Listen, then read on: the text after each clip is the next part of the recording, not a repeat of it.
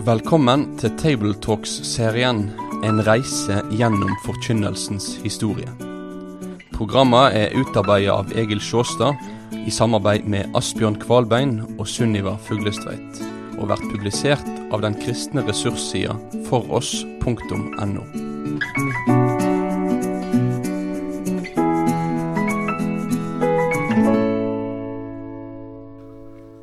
Vi har nå stansa hos Luther, og vi vil være på den stasjonen litt til. Og temaet er forkynnelsen hos Luther. Forkynnelsen befinner seg, tross dens glede, i en kampsituasjon. Det er et viktig aspekt hos Luther. Han er i kamp med fiender, og fiendene er ja, det kan være papismen, pavedømmet, lovisk forkynnelse, og det kan være svermere på motsatt side. Han lar det falle meget sterke ord i denne kampen, men hovedsaken synes stadig vekk å være at sjelene ikke skal føres vill, eller at villfarne skal rives ut av fiendens, fiendens klør. Forkynnelsen er både brød og sverd, sier Luther. Den sentrale oppgaven er å gi folk brød gjennom å forkynne evangeliet. Kvalitativt sett er det det viktigste, derfor har vi her lagt mest vekt på det. Men kvantitativt sett, i Luthers preiker, kan faktisk kampen mot evangeliets fiender dominere, og disse fiendene er dypest sett ikke ytre fiender, som paven og svermerne og, og, og tyrkerne, altså muslimer. Djevelen er ofte motpolen i kampen. Djevelen binder folks samvittighet både gjennom det papistiske og det svermerske forkynnelsen. Begge er preget av loviskhet, og for Luther er dette en fiende, faktisk. Ja, loven sjøl er liksom Satan en hovedfiende. Den skal forkynnes, men den skal altså også bekjempes, vel å merke om loven vil trenge inn i samvittighetene og nedkjempe frelsesvissheten. Derfor blir det predikantens oppgave om igjen og om igjen å egge til tro, i trass imot djevelen og den usikre samvittigheten som loven eh, skaper. Rent retorisk kan dette komme til uttrykk i form av direkte tiltale til djevelen med beskjed om at han må roe seg. Luther opererer, som vi så, med synd, død og helvete som virkelige fiender. Når han i forkynnelsen omtaler disse fiendene, merker vi at vi kommer tett på hans egen personlige erfaring og hans erfaring fra sjelesorg. I sin berømte preken om å forberede seg til å dø, maler Luther først de tre dystre bildene som så lett trer fram for vårt indre i møte med døden. Tenk deg nå en person som snart skal dø, og som får sånne tanker. Det første er det fryktinngytende bildet av døden. Det andre er det skremmende og mangfoldige bildet av synden. Og det tredje det utålelige og uunngåelige bildet av helvete og den evige fortapelsen. Ut fra disse bildene vokser nå alle slags forestillinger, og med slik tillegg blir bildene store og sterke. Med disse tre bildene, som han kaller det, er dermed referanserammen satt opp.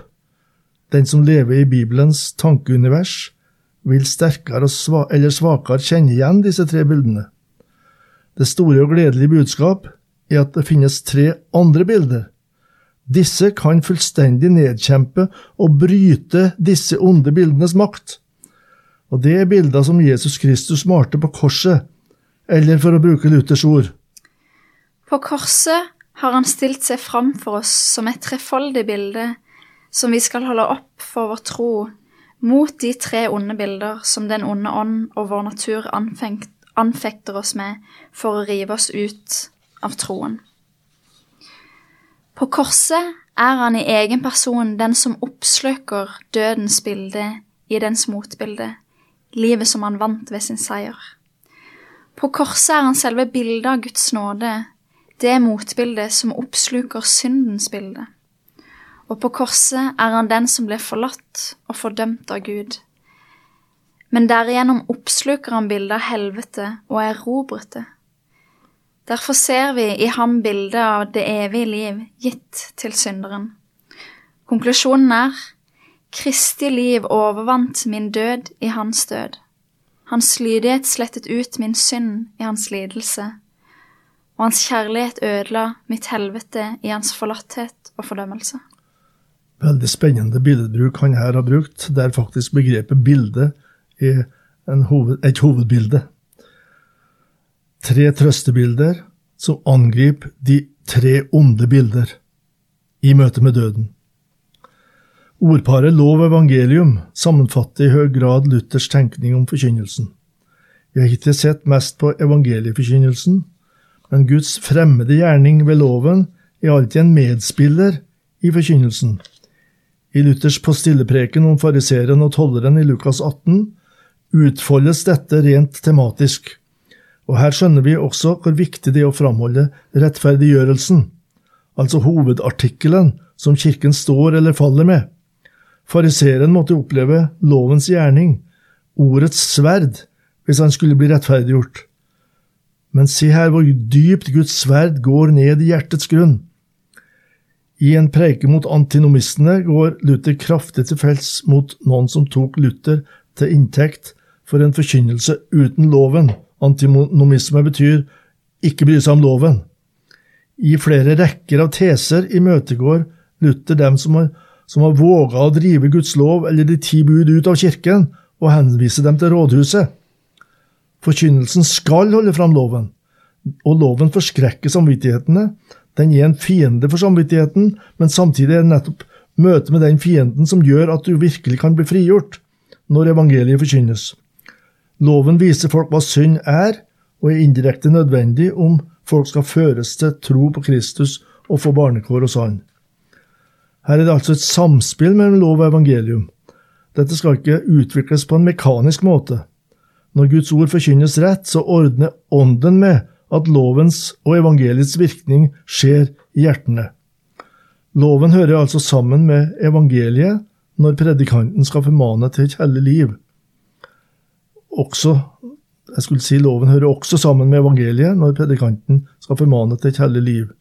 Og Dermed er vi over på det siste punktet vårt. Kristus som gave og eksempel.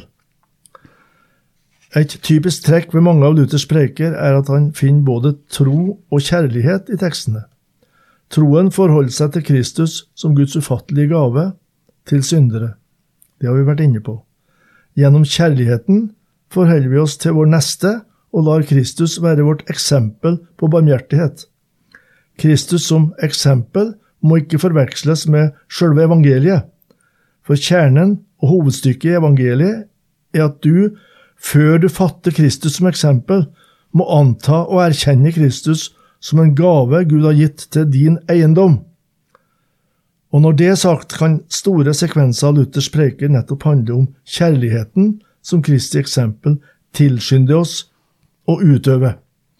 Eksemplene er mange, endatil i den sterkt evangeliske preika på juledag som vi fikk referert her, der Kristus for oss er hovedsaken, også der skriver han om vår kjærlighet.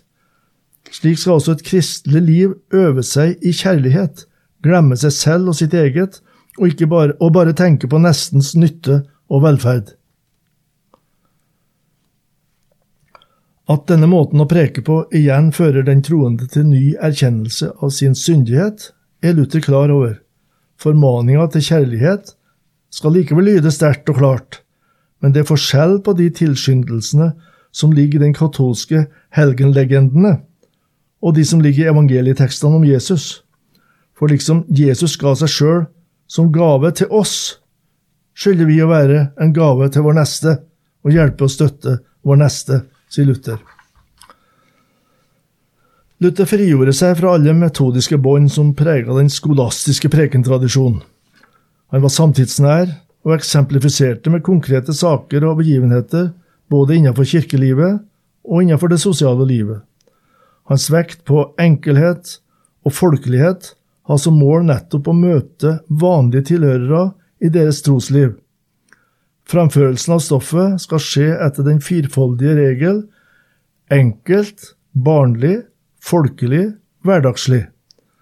Prekenen må ikke rettes til professorer, men til Hans og Grete. Han ønsker å holde tilhørerne fast ved sitt emne og la de ulike deler av teksten kaste lys over dens hovedsak. Derfor er Luther slett ikke alltid homiletisk, altså han går ikke alltid gjennom teksten vers for vers i sin prekenmetode. Hovedsaken i teksten skal hele veien slås en strek under. Vi kan heller her tale om tyngdepunktspreken hos Luther. Flere av Luthers prekener har likevel en uryddig disposisjon, det er ikke alltid lett å holde tråden. Og heller ikke Luther er fri for allegorisering. Han var i prinsippet imot det, især hvis det skulle utledes lærepunkt av det, men han bruker det som pryd, og han er klar over dette sjøl. Når en skal understreke og bekrefte troens læresetning, er ikke allegorier og bilder til noe hjelp. Da er det behov for bevis og vitnesbyrd som kan tas fra kilder i Den hellige skriften selv. For hvem som helst kan tolke eller forestille seg bilder og allegorier etter det som passer en selv sier han. Og det sier han jo, og Skriften er klar i hans måte å tenke på.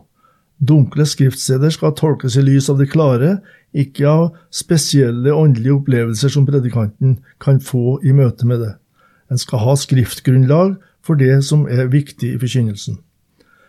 Mot slutten passer det kanskje å understreke et siste poeng fra Luthers råd til predikanter.